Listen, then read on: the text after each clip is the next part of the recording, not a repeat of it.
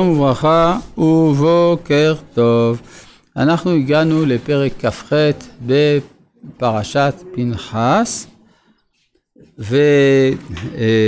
והתחלנו כאן את הפרשה של קורבנות המוספים. יש באמת השאלה מה זה עושה כאן. אז יש פה שני דברים שצריך, התחלנו לדבר על ההשוואה בין פרשת אמור לבין פרשת פנחס, שהן פרשות דומות מבחינת המבנה שלהם. שתיהן מדברות חצי על האדם, חצי על הזמן. פרשת אמור הרי מתחילה בעניינים של הכהנים, הכהנים הם בני אדם. המחצית השנייה על המועדים, המועדים זה זמן. היחס בין האדם לבין העולם עובר דרך הזמן. העולם עצמו הוא המקום. פרשת בהר בחוקותיי זה פרשיות שעוסקות בארץ ישראל. כלומר, היחס בין האדם לבין המקום עובר דרך ממד הזמן. אותו דבר בפרשת פנחס. פרשת פנחס עוסקת בכהנים, בהתחלה בכהונתו של פנחס, אחר כך במעמדו של כל עם ישראל כולו, כלומר סופרים את כל המשפחות, זה עיסוק באדם. המחצית השנייה עוסקת בקורבנות של המועדים, הזמן. פרשת מטות מסעה, שוב בארץ ישראל, אז המקום. שוב אנחנו רואים את האופן של היחס בין האדם לבין העולם דרך הזמן. הפילוסוף ברגסון היה אומר שהמשך הוא האופן של האדם לחיות את העולם. אז גם פה אנחנו רואים את זה. אז זה כבר מסביר את המבנה. עכשיו השאלה שעלתה לנו, אם ככה, מדוע, אם מדובר בקורבנות, מדוע זה לא יהיה בספר ויקרא? התשובה היא שספר במדבר מדבר על החריג, והחריג זה גם קורבן המוסף. המוסף מבטא את החריגות שיש אה, בעבודת הקורבנות לפי ההשתנות של הזמנים, ולכן כאן מופיעים הקורבנות האלה. לעומת קורבן התמיד הקבוע, שכבר אה, נאמר בפרשת תצווה, והוא יחזור פה רק לעניין המוספין. וידבר השם אל משה לאמור. אגב, מתי נאמרה הפרשה הזאת? זה לא לגמרי ברור. אה, נכון שזה מובא פה בתורה אחרי המעשה של אה, העברת השלטון ליהושע, אבל אין מוקדם ומאוחר בתורה, ייתכן שזה נאמר בהזדמנות אחרת. וידבר השם אל משה לאמור. צו את בני ישראל ואמרת להם, עליהם את קורבני לחמי לישי ריח ניחוחי תשמרו להקריב לי במועדו. שאלה מפורסמת, שאל המלך, מלך כוזר, את החבר בספר הכוזרי לרבי יהודה הלוי, מה זאת אומרת שהקדוש ברוך הוא זקוק ללחם קורבני לחמי, או ריח ניחוחי, וכי ריבונו של עולם זקוק למאכלים, חלילה, אלא, אומר אה, החבר, מה שכתב לאישי מיישב כל קושי. כלומר, קורבני לחמי, אבל בשביל האש. מה זה האש? לאישי, זה השראת השכינה, כלומר, השפע האלוהי מגיע לעולם דרך מעשה האדם, וזה נקרא האש.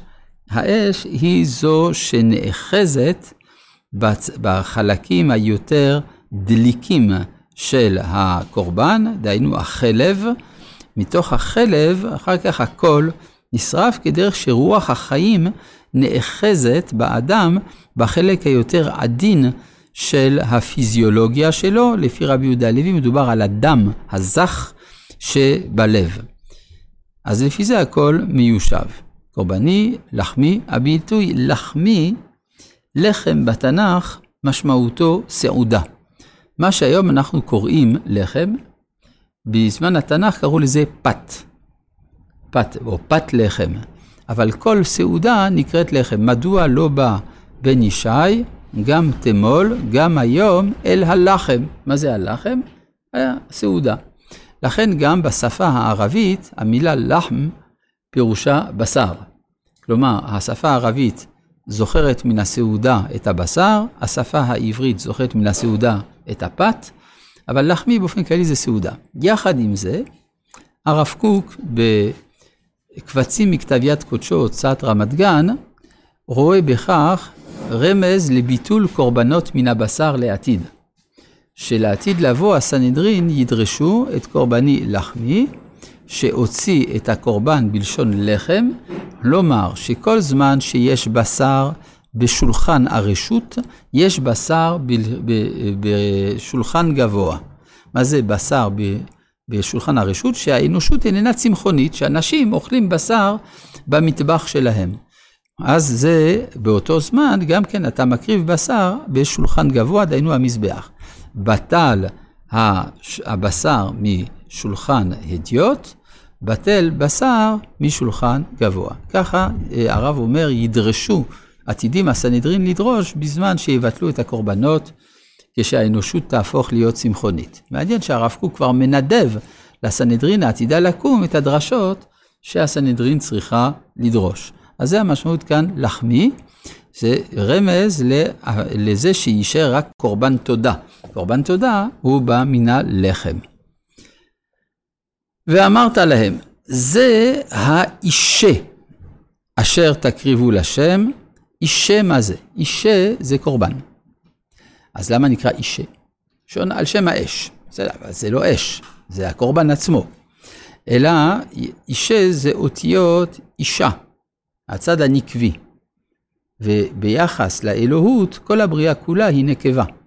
כן? אם הזכר זה הפועל והנקבה זה המקבל, אז פה כל הבריאה כולה, ביחד, הבורא כזכר, וכל הבריאה כולה כנקבה. לכן כשאנחנו עובדים את הבורא, אנחנו מגישים לו אש שהכתיב שלו ככתיב של אישה. זה האישה אשר תקריבו לשם. כבשים בני שנה תמימים, שניים ליום עולה תמיד. אז צריך שניים. למה שניים? טוב, אז כתוב בהמשך, את הכבש אחד תעשה בבוקר, ואת הכבש השני תעשה בין הארבעים. אז זה אומר ש... מה זה תמיד? תמיד זה לא דבר שקרב כל הזמן, אלא באופן קבוע. כן, הרי במהלך היום לא קרב הקורבן התמיד, אבל הוא קרב בבוקר ובערב, זה מראה על רציפות. מה זה אומר?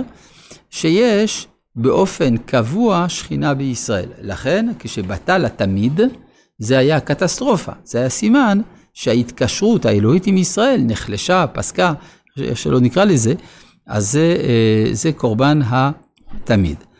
אחד בבוקר, אחד בערב. מה ההבדל בין בוקר לערב? בוקר זה הזמן של האור, ערב זה הזמן של החושך. מתקרבים אל החושך. ואז היה אפשר לומר שיש שתי רשויות, חס ושלום. אל של בוקר, אל של ערב. של הטוב ושל הרע וכדומה. אז אתה אומר, לא, בשני המצבים צריך להביא את הקורבן, כמו שאנחנו קוראים את קריאת שמע, שחרית וערבית, מאותה הסיבה, כשיוצאים מן החושך אל האור, או עוברים מן האור אל החושך.